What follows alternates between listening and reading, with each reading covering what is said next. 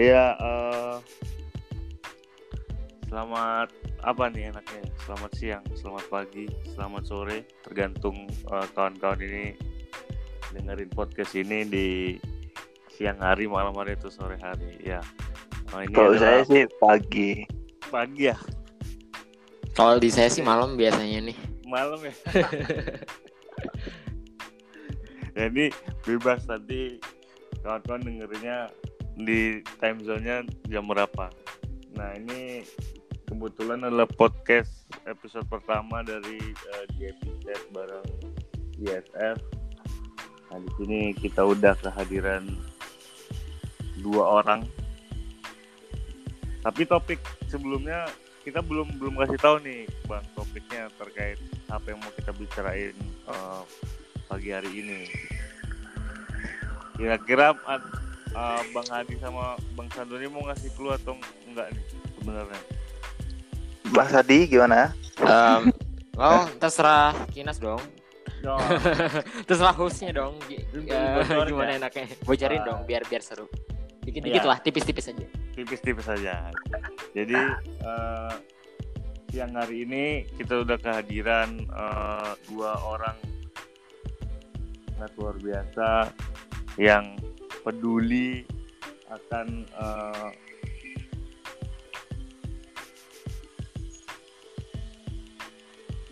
bisa dibilang negara ini ya, ya. Gitu. Ya, jadi beberapa pekan sebelumnya uh, eh, dan juga uh, eh, DIY sudah melaksanakan uh, webinar yang berjudul apa ya uh, digital nomad visa sebagai uh, alternatif solusi ya kira-kira seperti itu. Nah, uh, digital nomad ini masih menjadi sesuatu yang asing sebenarnya di telinga kita ya.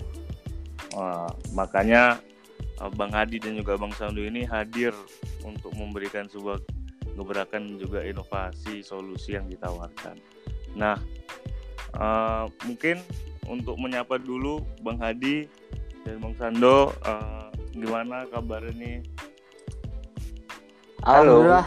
baik. Baik. Nah baik, baik. Bang Hadi dan juga Bang Sando ini kawan-kawan dia uh, mengerjakan penelitian yang juga berkaitan dengan uh, digital nomad visa ini. Nah mungkin sedikit nih siapa dulu Bang Hadi atau Bang Sando nih? Kenapa kok uh, bisa ada muncul sebuah gagasan atau enggak uh, ide untuk uh, menawarkan solusi terkait digital nomad visa ini? Gitu.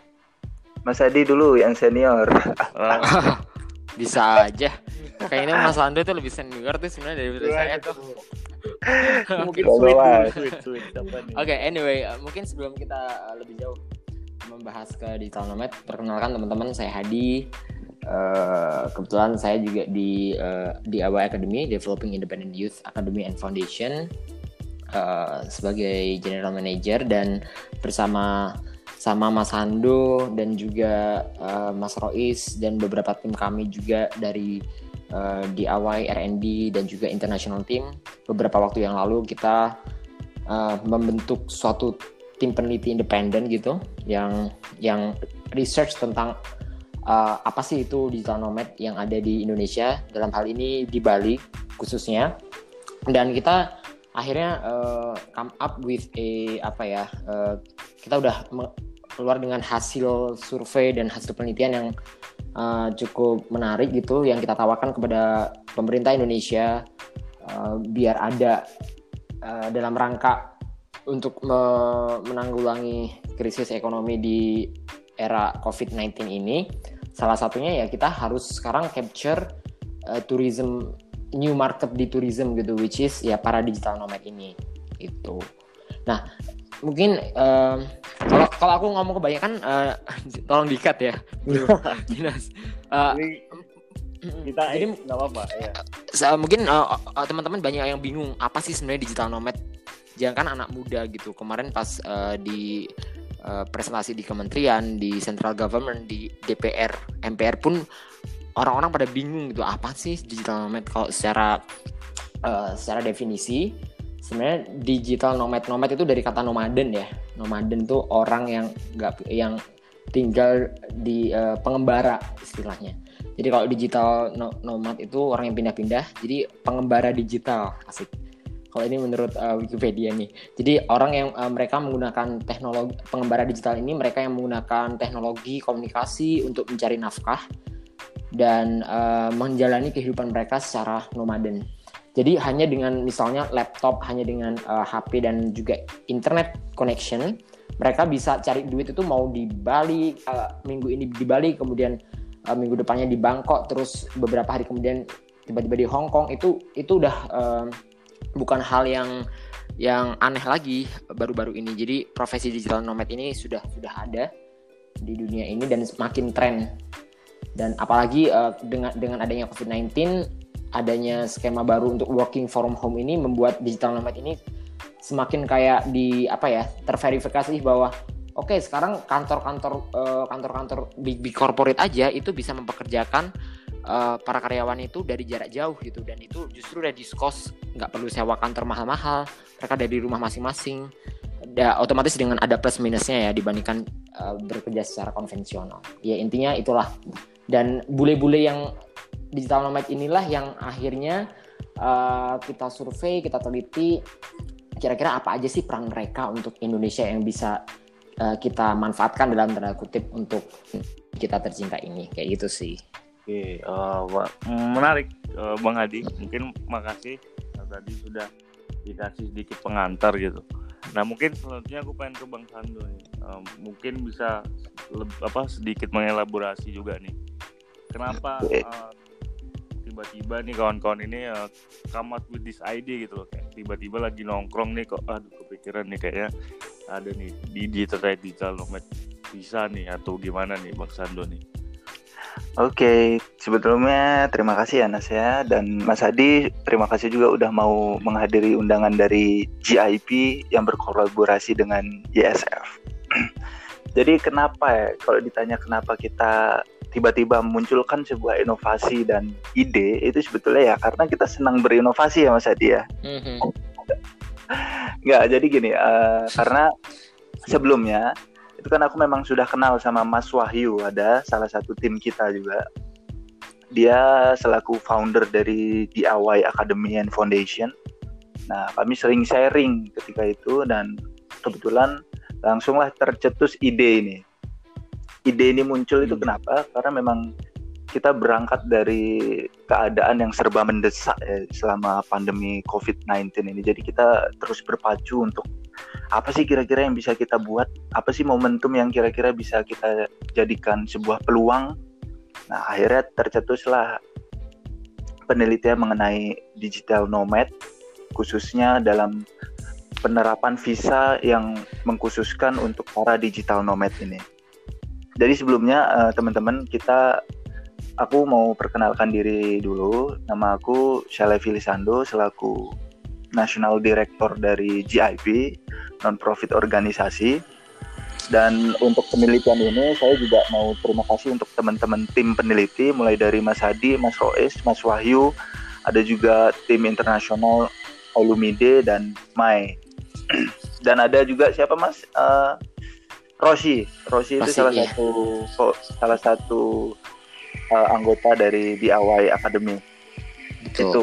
Nah, jadi balik lagi ke mengenai digital nomad, bahwasannya kalau kita berbicara mengenai digital nomad itu nggak akan betulnya nggak akan ada habisnya karena kian tahun makna dan dan istilah dari digital nomad itu kian berkembang. Nah, tapi di Indonesia sendiri, kalau kita lihat digital nomad ini sebuah sebuah istilah yang itu sangat fresh dan bahkan sangat jarang dicari literasinya kecuali memang jurnal-jurnal internasional maupun ya berita-berita internasional di Indonesia sendiri itu betul-betul masih fresh banget belum ada penelitian ya sejauh yang saya amati belum ada penelitian yang membahas tentang ini dan kemarin kita juga agak kesusahan sebetulnya untuk mencari literasi kecuali literasi yang berbahasa Inggris ya. Betul, Tapi betul. alhamdulillah, alhamdulillah beberapa kita setidaknya dua bulan lah, dua bulan mengerjakan penelitian itu dan alhamdulillah bisa. Jadi sebetulnya gini teman-teman, uh, digital digital nomad ini bisa menjadi sebuah momentum dan kesempatan. Apalagi kita di era pandemi COVID-19 ini kita udah dibiasakan yang namanya WFH jadi kan teman-teman work from home. Jadi istilah WFH atau bekerja selain di kantor itu semakin familiar gitu selama adanya COVID-19 ini alhasil uh, digital nomad itu sebetulnya istilahnya itu hampir-hampir mirip dengan istilah WFH itu. Jadi istilahnya digital nomad ini tidak perlu dia kantor atau office seperti halnya pekerja-pekerja konvensional mereka seharian mengerjakan sesuatunya di kantor enggak. Jadi mereka bebas di mana aja, mau itu di kafe, mau itu di hotel, mau itu di negara mana pun. Itu mereka bisa asalkan memang ada internet yang memadai untuk menunjang. Seperti itu. Nah, untuk digital nomad sendiri, teman-teman, itu ada setidaknya ada dua ya, dua jenis. Itu ada yang memang freelancer, dia bekerja atas dirinya sendiri, atau memang dipekerjakan oleh perusahaan. Nah, untuk yang perusahaan, ini perusahaan-perusahaan Amerika sebetulnya udah banyak menerapkan, benar-benar sangat banyak menerapkan uh, kebijakan macam ini. Jadi mereka membebaskan pegawainya untuk bekerja selain di kantor mereka. Tujuannya mungkin ya, tujuannya entah mereka untuk sekaligus refreshing karena memang pekerjaan mereka berat. Jadi jangan salah, digital nomad ini pekerjaannya juga luar biasa berat. Jadi nggak bisa bersaing dengan teman-teman pekerja konvensional. Makanya dari itu uh, mereka yang bekerja atas perusahaan mereka juga digaji itu rata-ratanya cukup tinggi teman-teman. Dan penghasilan para digital nomad pun itu kalau kita kemarin teliti ya Mas ya dia itu hmm. lumayan hmm. ya Mas ya Betul. itu lumayan. Kisarannya masih ingat nggak Mas Edi? Bisa kita florkan. Uh, boleh sih kalau kalau dari 150 responden yang uh, kita uh, teliti kemarin itu sih mereka justru di uh, average monthly income-nya mm-hmm. uh, pendapatan per bulannya itu mereka sekitar 60% itu di atas 2000 antara 2000 sampai 3500 wow. US dollar per bulan. Oke. Okay. Nah, itu dia. Itu nominal yang kalau kita kalau kita sih ya itu nominal ya standar ke atas lah dan cukup Bener. tinggi bagi hmm. para freelancer atau para digital nomad yang dipekerjakan oleh perusahaan. Bahkan teman-teman ini sekedar info saja. Di Amerika ini dari sebagian pegawai-pegawai konvensional 27 persennya dia udah memplanningkan bahwasannya mereka akan menjadi digital nomad ke depannya atau di masa hmm. depan nanti itu kan berarti apa ya banyak kesadaran bahwasannya mereka kayaknya capek nih kerja di kantor mulu kayak bosen hmm. atau gimana. Makanya mereka udah memplanningkan untuk bekerja jarak jauh. Dan uh, info lagi bahwasanya digital nomad di seluruh dunia ini basisnya sangat banyak dan jumlahnya juga terus meningkat apalagi di era pandemi COVID-19 ini. Itu akan sangat-sangat jauh lebih meningkat lagi dan ini bisa jadi sebuah peluang untuk Indonesia bisa menarik para digital nomad ini. Menariknya dengan apa? Menariknya ya salah satunya kemarin kita memploporkan untuk dibuat visa khusus mengenai digital nomad. Nah, visa ini teman-teman, uh, visa khusus digital nomad ini sudah diterapkan di beberapa negara dan setahu saya itu untuk digital nomad visa itu sudah diterapkan di Estonia. Sedangkan kalau kita tahu, uh, maaf ya berisik, uh, sedangkan kalau kita tahu di Estonia sendiri itu secara apa, ya, secara alam, secara alam dan turismenya itu nggak sebesar di Bali. Karena memang di sana juga apa ya karena memang Eropa jadi ya pegunungan seperti seperti itu. Jadi untuk untuk feel berlibur misal kayak menghangatkan diri kemudian di pantai dan sebagainya itu sebetulnya tidak ada di Estonia tapi teman-teman dengan adanya kehadiran visa ini Estonia justru dapat meningkatkan uh, pemasukan ekonomi mereka salah satunya di melalui hmm. digital nomad visa ini. Nah ini kan sebetulnya menjadi peluang besar bagi Indonesia dengan ragam pariwisata yang disodorkan oleh alam Indonesia dan uh, uh, pemerintah Indonesia. Mungkin itu nanti untuk visanya kita akan bahas lebih lanjut lagi ya. Ah, oke. Okay. Uh, eh, tadi udah banyak sekali ya uh, insight-insight baru terkait digital nomad ini. Tentu mungkin buat kawan-kawan juga ini istilah yang masih baru ya, uh, Mas Hadi, Bang Sandu. Nah, jadi kita juga punya tugas untuk terus menyuarakan terkait ini. Nah, terkait digital nomad visa ini, uh, Mas Hadi, aku mau ke balik lagi ke Mas Hadi. Uh, uh tentu kan digital nomad visa ini ditawarkan menjadi sebuah solusi kan tentu nanti akan menjadi dampak positif bagi Indonesia sendiri. Nah, jika Indonesia menerapkan digital nomad visa ini kira-kira uh, bisa dibilang benefit apa nih yang bisa dirasakan oleh pemerintah Indonesia secara langsung. Oke, okay. uh, eh, kalau ngomongin benefit, yang pasti uh, sekali lagi kita kita harus uh, kembali ke definisi siapa aja sih yang termasuk dalam dalam uh, apa ya siapa aja sih yang yang bisa dibilang seorang digital nomad itu kan. Jadi seperti yang Mas Andi tadi bilang bahwa uh, secara umum digital nomad itu dibagi dua mereka yang bekerja untuk perusahaan tertentu gitu misalnya uh, let's say uh, orang yang bekerja untuk fintech atau orang yang fintech company atau mungkin orang yang kerja untuk di uh, perusahaan-perusahaan digital atau orang yang kerja untuk Silicon Valley. Uh, kemudian yang freelancer ini kebanyakan mereka nggak ada ikatan sama suatu perusahaan tertentu tapi mereka kebanyakan kayak misalnya orang-orang creative workers nih kayak misalnya aku seorang konten kreator, aku seorang youtuber atau video editor atau seorang um, fotografer misalnya. Tapi aku juga uh, bisa dapat uh, pendapatan atau mungkin bahkan seorang digital marketer gitu kan. Uh, aku nggak terikat nih sama satu perusahaan tertentu dan uh, otomatis sebagai seorang digital nomad, aku uh, butuh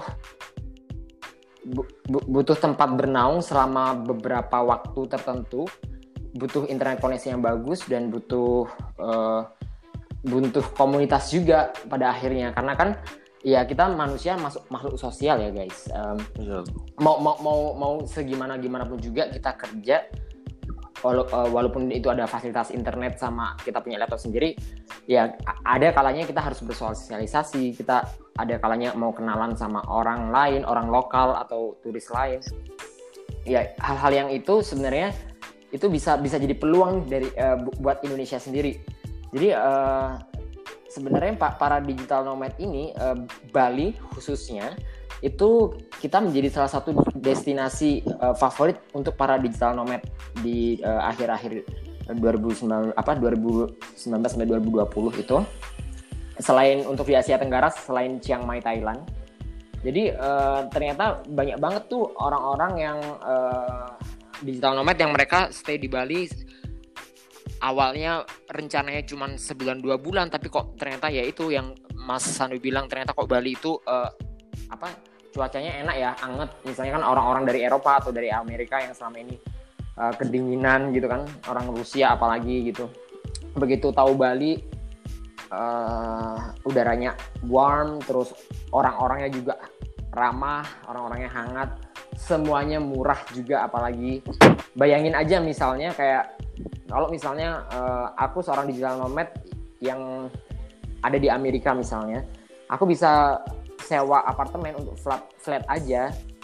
Itu uh, dengan flat yang sangat sederhana itu aku bisa uh, spend money di, di, di jumlah yang sama dengan villa yang cukup sangat mewah untuk selama tiga bulan gitu. Tiga kali lipatnya lebih murah gitu di Bali. Hmm. otomatis itu otomatis itu jadi privilege dong buat para digital nomad untuk memilih Bali sebagai tempat bagi mereka uh, bekerja sementara waktu.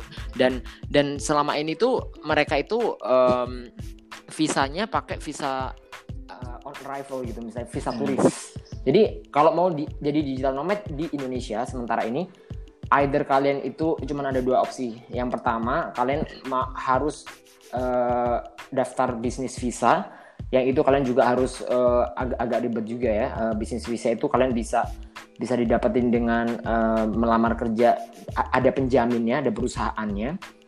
Uh, atau mungkin kalian juga harus bikin PT sendiri PT PMA dengan modal yang yang nggak nggak kecil juga dan harus ada tim yang banyak banget untuk direksinya segala macamnya. Yang kedua ya kalian harus harus jadi seorang turis dan dan dan uh, di, sebagai seorang turis itu kan sebenarnya kalian nggak boleh bekerja tuh dan regulasi ini adalah ada ada loophole-nya di sini nih ada ada uh, cacat hukumnya itu ya uh, belum ada regulasi khusus yang me memfasilitasi orang-orang turis ini bekerja secara legal. Jadi kalau misalnya VOA visa on arrival itu kan tergantung kamu dari negara mana, kamu punya waktu sekitar 30 hari atau 60 hari untuk tinggal di Indonesia. Nah, ketika visa on arrivalmu habis, kamu harus terbang uh, ke negara lain nih. Misalnya aku harus uh, aku orang Amerika visa on arrival ku habis, aku harus terbang dulu nih ke Singapura atau ke Malaysia, habis itu masuk lagi ke Indonesia buat dapat another visa on arrival yang bisa buat aku uh, tinggal selama 60 hari lagi kayak gitu nah hmm. kayak gitu-gitu terus tuh uh, itu namanya visaran kan nah makanya uh, yang yang kami ajukan ke pemerintah Indonesia kemarin adalah karena hampir 80% dari res, uh, 150 responden ini mereka uh, datang ke Bali sebagai seorang digital nomad itu pakai visa on arrival. Dan menariknya 64% dari mereka mereka itu bersedia mau bayar pajak gitu loh buat Indonesia. Uh, dan mereka mau uh, ya pajak itu bisa diartikan dengan membayar visa khusus untuk uh, status mereka sebagai pekerja freelance sebagai digital nomad. Dan ya udah uh, mereka pengen pengen secara aman aja on the sake of security of their job biar mereka merasa uh, bisa berkontribusi. Mereka ya uh, bisa dengan lebih lega aja ngelakuin apa yang mereka kerjakan uh, dengan secara legal statusnya di Indonesia ini. Dan manfaatnya nggak cuma secara income aja ke pemerintah tapi juga uh, kolaborasi. Jadi uh, digital nomad ini bisa kita targetkan untuk uh, secara nggak langsung kan mereka uh, yang pasti menaikkan devisa negara dong kan nilai Betul. mereka bakal bakal pakai rupiah mereka bakal uh, makan uh, pakai belanja semuanya pakai rupiah sewa tempat makan uh, dan mereka juga otomatis uh, meningkatkan taraf hidup masyarakat lokal yang pasti uh, tapi juga uh, secara secara uh, kalau kita ngomong uh, ngomongin secara apa ya plan plan yang lebih jauh lagi itu seharusnya pemerintah juga uh, mewajibkan nih uh, somehow para digital nomad ini untuk berafis, berafiliasi atau ber apa ya atau bekerja sama dengan beberapa NGO atau komunitas atau organisasi lokal uh, selama mereka bekerja di sini gitu. Kayak kayak sebenarnya udah ada itu namanya sosial visa kan. Kalau sosial visa kan uh, orang mau uh, bekerja secara sosial di sini entah itu bekerja untuk anak-anak yatim piatu untuk sosial project apa pun yang yang berhubungan dengan sosial dan budaya tapi kan mereka nggak boleh bekerja tuh secara uh, mereka nggak boleh dapat pendapatan. Nah nah visit uh, digital nomad visa yang kami um, propose ke pemerintah ini ya itu antara bisnis uh, apa di tengah-tengah tuh antara bisnis visa dan juga sosial budaya visa. Kenapa nggak mereka bisa melakukan sosial budaya kegiatan kegiatan-kegiatan yang berbau dengan sosial dan uh, budaya itu yang bisa uh, berkolaborasi dengan organisasi-organisasi dan komunitas lokal, UMKM lokal juga. Tapi at the same time mereka juga bisa dapat pendapatan dari apa yang mereka kerjakan dan Indonesia negara selain dapat uh, apa pendapatan secara materi juga mereka akan mendapatkan men, uh, ikut mencerdaskan komunitas lokal gitu yang yang kerja sama-sama si bule-bule ini gitu loh. Nah. Kayak gitu sih uh, uh, manfaat yang kita tawarkan. Ya. Nah, mungkin tambahan nih Bang Sando. Oke, okay, uh, ya. Makasih Mas Adi tadi udah sebetulnya udah jelas dan sangat terang benderang sekiranya kalau kita mau bahas visa. Jadi gini, ya benar teman-teman. Jadi batasan ketika turis-turis asing ini mau, apalagi pelaku uh, digital nomad itu mau masuk ke Indonesia. Karena yang pertama, kalau seperti yang kita ketahui, bahwasanya tidak sembarang visa yang mengizinkan bahwasanya pekerja asing itu menghasilkan atau mendapatkan semacam income di negara kita. Jadi memang ada beberapa contohnya visa bisnis yang ada beberapa visa yang hanya yang bisa untuk teman-teman atau turis-turis itu bisa menghasilkan atau mendapatkan income di sini. Nah, apalagi rata-rata kemarin turis-turis itu atau teman-teman bule kita itu dia uh, menggunakan ke Indonesia itu menggunakan visa liburan rata-rata. Jadi ya memang mereka itu dan sebetulnya mereka tuh sebetulnya kooperatif secara pemikiran mereka kooperatif. Mereka siap uh, menanggung kewajiban mereka ketika memang visa ini nantinya akan diterapkan teman-teman.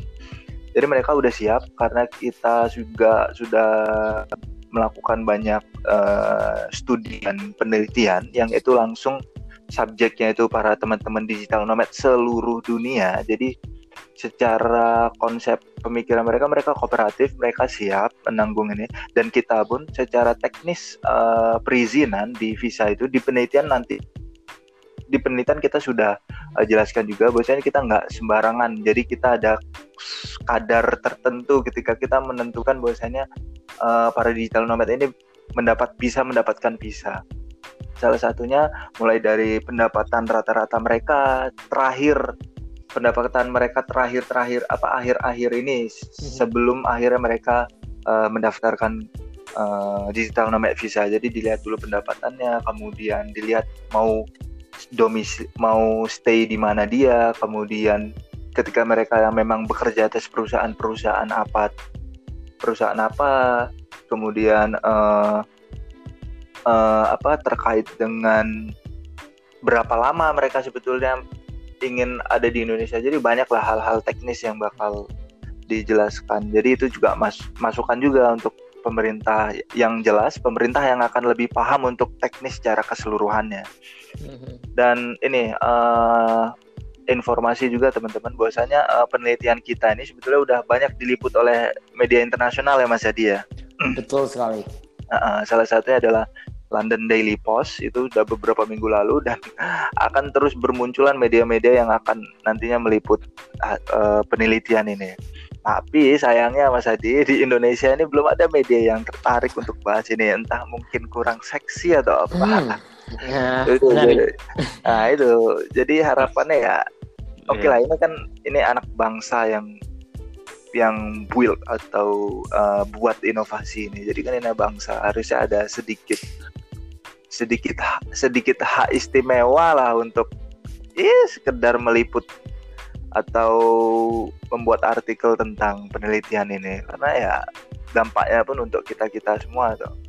Itu masa media asing aja dia berani jauh-jauh untuk atau berani meng apa ya spend time mereka untuk sekedar mewawancarai kita masa media Indonesia yang lebih dekat nggak mau itu okay. dan ini juga Jadi hmm. untuk saat uh, ini uh, belum ada ini ya tawaran atau uh, ada sebuah uh, ajakan nih dari pemerintah sendiri atau gimana perkembangan terkait penelitian okay. terkait juga ini? Oke, okay, untuk perkembangan uh, apa ya istilahnya komunikasi kita dengan kementerian terkait dan bahkan uh, sekretariat negara atau presiden itu nanti akan dijelaskan sama Mas Hadi karena dia yang uh, terus menjalin komunikasi jadi ya seperti itu. Jadi untuk uh, itulah. Untuk saat ini kita tetap menjalin komunikasi dengan pemerintah pemerintah terkait atau kementerian terkait dan kita juga beberapa kali ya Mas Adi ya uh, mereka juga uh, sudah uh, setidaknya berapa kali? Sekali dua kali menghubungi kita. Hmm. cuman kelanjutannya masih kita tunggu. Jadi seperti itu. Uh, setidaknya ya itu. Uh, penelitian ini sebetulnya untuk umat ya kalau dalam Islam itu kan bahasanya hmm. umat sebetulnya untuk umat banyak di Indonesia apalagi ya harapan kami sih setidaknya walaupun sedikit tapi setidaknya membantu membantu kesusahan yang parah ini selama COVID-19 ini. Betul. Seperti itu. Uh, mungkin aku sedikit menambahkan nih masalah uh, ya. tentang hal-hal yang Tadi. sudah diliput jadi uh, kebetulan teman-teman alhamdulillah banget uh, thanks juga untuk our international team yang sangat uh, berkontribusi untuk uh, blow up ini ke media-media internasional. Kita uh, untuk proposal kita yang yang ditujukan ke Presiden Indonesia uh, Pak Joko Widodo melalui Kementerian Sekretariat Negara beberapa waktu lalu itu sudah dimuat di London Daily Post. Ada juga dari uh, apa namanya dari Lonely Planet dan dan sebenarnya uh, dan bahkan minggu ini uh, kita juga akan ada di Forbes.com wow. itu akan dimuat. Dan kemarin uh, dari Forbes itu juga uh, men, uh, mereka tanya nih kira-kira orang official apa uh, official dari government siapa yang bisa mendukung opini kalian yang menguatkan uh, proposal kalian ini uh, yang ditujukan ke presiden gitu kan. Dan itu karena kebetulan di awal akademi sama selama ini udah cukup dekat hubungannya dengan uh, Pak Wakil Wali Kota Yogyakarta jadi uh, beliau juga jadi salah satu kepala daerah yang ikut mendukung kami uh, opini kami bahwa digital nomad visa ini uh, cukup urgent untuk di dikonsider untuk dipertimbangkan sama pemerintah Indonesia sebagai salah satu upaya dalam penanganan uh, COVID-19 yang di Indonesia untuk menumbuhkan mutu ekonomi gitu di bidang pariwisata. Dan sebenarnya kalau ngomongin masalah uh, media lokal, Mas Andus, sebenarnya ada sih. Kemarin tuh nggak sengaja kayak kita uh, dapat info dari uh, salah satu teman internasional kita. Kita tuh dimuat tiba-tiba diem-diem sama detik travel.detik.com okay. dan itu uh, ya itu doang sih sejauh yang kita tahu selama ini. Apa si detik.com itu pun dia uh, mendapatkan sumber beritanya dari Lonely Planet waktu itu. Jadi kayak uh, ya makanya kemarin kemarin kemarin tuh kemarin tuh sedih juga karena sebenarnya uh, Wahyu our founder dari uh, salah satu inisiator uh, digital nomad visa ini pun juga sempat di Jakarta dua minggu terakhir dan uh, kita berusaha selain kita ngasih proposal ini di, jalur yang sewajarnya di jalur konvensional. Ya kalau misalnya kita sebagai warga negara biasa nih kalau kita mau nyur, nyuratin presiden atau ngasih proposal ke presiden itu kita pasti lewat kementerian sekretariat negara. Itu udah kita lakukan jalur uh, uh, jalurnya. Dan dan sempat juga uh, dua atau tiga minggu yang lalu aku sebagai kontak person dihubungi tuh sama orang keseter, keseter, uh, keseter uh, Kemensetnek ya Kementerian Kesekretariatan Negara dan mau follow up oh iya ya uh, oke okay, baik ini mau disampaikan uh, ini maksudnya apa? Proposalnya oh ternyata ini kayak gitu. Oke okay, baik uh, akan kami uh, bicarakan dengan atasan nanti akan dihubungi lagi. Dan ketika aku menghubungi lagi sampai sekarang sampai detik ini itu aku sudah sekitar tiga kali menghubungi mereka ya aku teror gitu dengan beberapa kali telepon cuman ya nggak nggak ada nggak nggak nggak ada respon yang yang positif juga karena uh, ternyata nomornya itu kayak pemerintah itu nomornya banyak banget banyak, banyak banget kan dari dari uh, satu kementerian itu bisa berapa direktorat satu direktorat itu berapa divisi dan itu tuh banyak banget. Jadi kayak aku dilempar-lempar gitu justru. Jadi uh, belum belum uh, belum ada respon yang secara official resmi dari pemerintah uh, gimana status proposal yang kita tawarkan ini. Cuman kebetulan karena kita juga punya network dari pemerintah sendiri, dari uh, salah satu advisor kita untuk proposal ini adalah uh, salah satu staf ahli dari Kementerian uh, uh, Kemenko Perekonomian.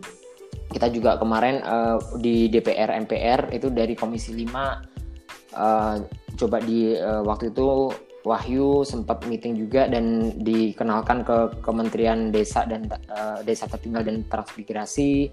Uh, beberapa kementerian juga uh, mereka juga berjanji akan mengkonekkan kita ke uh, suaminya Ibu uh, Retno, Menteri Luar Negeri kita.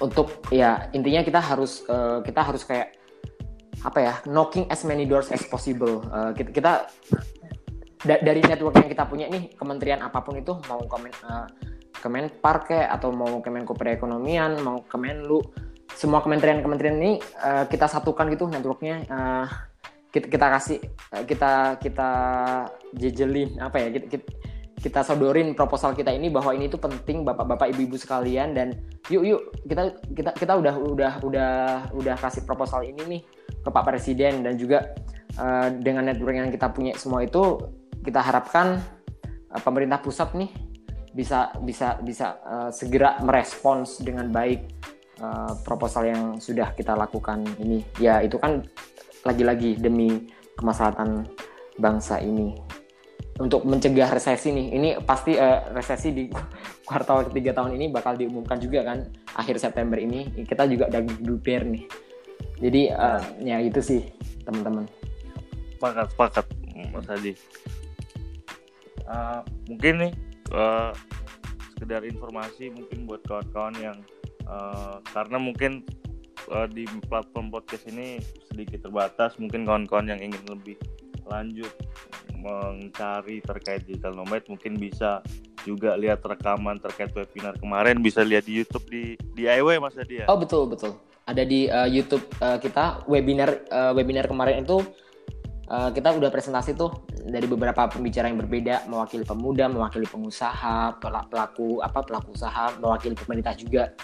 Opini mereka tentang uh, proposal uh, digital nomad ini. Dan itu bisa diakses di YouTube kita di DIY Academy. Coba uh, cek aja di YouTube nanti ada webinar gitu ada ada postingan webinar digital nomad. Bisa aja ditonton dan disebarluaskan. Ya. Uh, uh, mungkin uh, terima kasih Mas Adi Bang hmm. Sandu mungkin terakhir mungkin ada yang hmm. mau disampaikan nih dari Mas Adi atau Bang Sandu harapan okay. mungkin ke depan ya kayak project ini gitu oke okay. sedikit aja ya uh, sedikit aja terkait dengan uh, topik kita kali ini. Jadi gini teman-teman, uh, misalkan uh, teman-teman memang agak kesusahan mencari uh, sumber literasi dan lain sebagainya mengenai digital nomad, insya Allah kita uh, ke depan juga bakal men-share Mas Adia penelitian ini ke hmm. halayak ramai supaya itu menjadi setidaknya salah satu atau satu-satunya literasi berbahasa Indonesia mengenai digital nomad khususnya penerapan digital nomad visa. Nanti teman-teman bisa bisa cek di situ mengenai penelitian kita. Nanti kita akan share, nanti kita akan coba umumkan di masing-masing dari di DIY maupun GIP dan lain sebagainya. Jadi tidak usah khawatir dan saat ini teman-teman dari saat ini sampai detik ini dan ke depannya kita akan terus mengusahakan bahwasannya terus memfollow up terkait penelitian ini entah itu nanti webinar jilid 2 ataupun lain sebagainya semoga kita ya semoga ke depannya penelitian ini bisa setidaknya dilirik oleh presiden atau kementerian terkait dan bisa setidaknya membantu lah membantu membantu membantu kesusahan selama pandemi COVID-19. Mungkin itu aja. Terima kasih uh, Kinas dan teman-teman DIY, GIP ataupun YSF yang selaku penyelenggara podcast ini dan Mas Hadi tentunya. Makasih banyak Mas ya. Terima kasih banyak. Waktu. ya itu aja dari saya.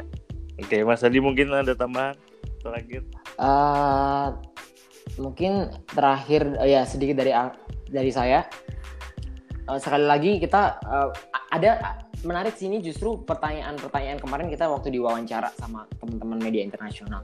Itu justru mereka tanya, emang kalau misalnya uh, nanti Indonesia punya visa, visa uh, jenis baru ini, digital nomad visa ini, uh, kalian nggak takut apa uh, bakal nanti ada semacam apa ya bule-bule uh, uh, yang yang mengaku-ngaku sebagai seorang digital nomad dan berbondong-bondong buat masuk ke Indonesia. Uh, kita nggak pernah tahu kan intensi mereka apa. Regardless di di visa ini pasti juga ada screening segala macam persyaratan khususnya. Uh, tapi sekali lagi uh, kita juga pasti kita percaya bahwa jika pemerintah um, aware dan pemerintah uh, peduli untuk un untuk membuat digital nomad visa ini menjadi sesuatu yang akan diterapkan di Indonesia nantinya, yang pasti ada kementerian terkait juga yang bakal pikir tentang security keamanan nasional. Dan dan hal itu juga uh, kita percayakanlah ke kementerian-kementerian terkait gimana caranya kita me, me, me, apa, melindungi uh, our national security dan dan bagaimana kita kita percaya sih bahwa zamannya sekarang itu zamannya untuk kolaborasi. Mau mau kamu itu bule mau kamu itu lokal siapa pun yang ingin berkontribusi untuk Indonesia ya kita kita ajak bareng-bareng aja gitu berkolaborasi. Kita jangan takut untuk bersaing. Kita jangan takut untuk uh, belajar bahasa Inggris bareng sama mereka. Kita jangan takut untuk uh, kontribut untuk local ekonomi. Jadi ya ya itu itu sih yang yang yang kita kita kemarin sampaikan ke mereka bahwa uh, sekarang itu bukan zamannya lagi saingan. Kalau kalau kita uh, kalau misalnya nih aku fotografer ada juga bule fotografer. Ini kadang-kadang kan kalau mindset yang konvensional waduh nanti fotografer lokal akan tersaingi oleh fotografer uh, asing gitu. Ya sekarang daripada kita jadi saingan kenapa nggak kita kolaborasi? Justru kita bisa kolaborasi lebih kuat kita bisa sharing market kita masing-masing dan justru kita bisa dapat pendapatan yang jauh lebih gede daripada kita harus bekerja sendiri-sendiri. Seperti itu itu contoh sederhananya. So semoga uh, pemerintah segera uh, merespons uh, proposal yang sudah kita ajukan ini ya. Terima kasih teman-teman dari Youth Sharing Forum dan JIP Thank you Mas Adi, Bang Sando atas waktunya, atas diskusi kecilnya. Semoga ini bisa menjadi sebuah pintu untuk membuka kesempatan-kesempatan yang ada terkait uh, project digital nomad ini. Mungkin Amin. itu. Ya. Yeah. Uh, terima kasih sekali lagi. Uh, Assalamualaikum warahmatullahi wabarakatuh. Waalaikumsalam. Waalaikumsalam.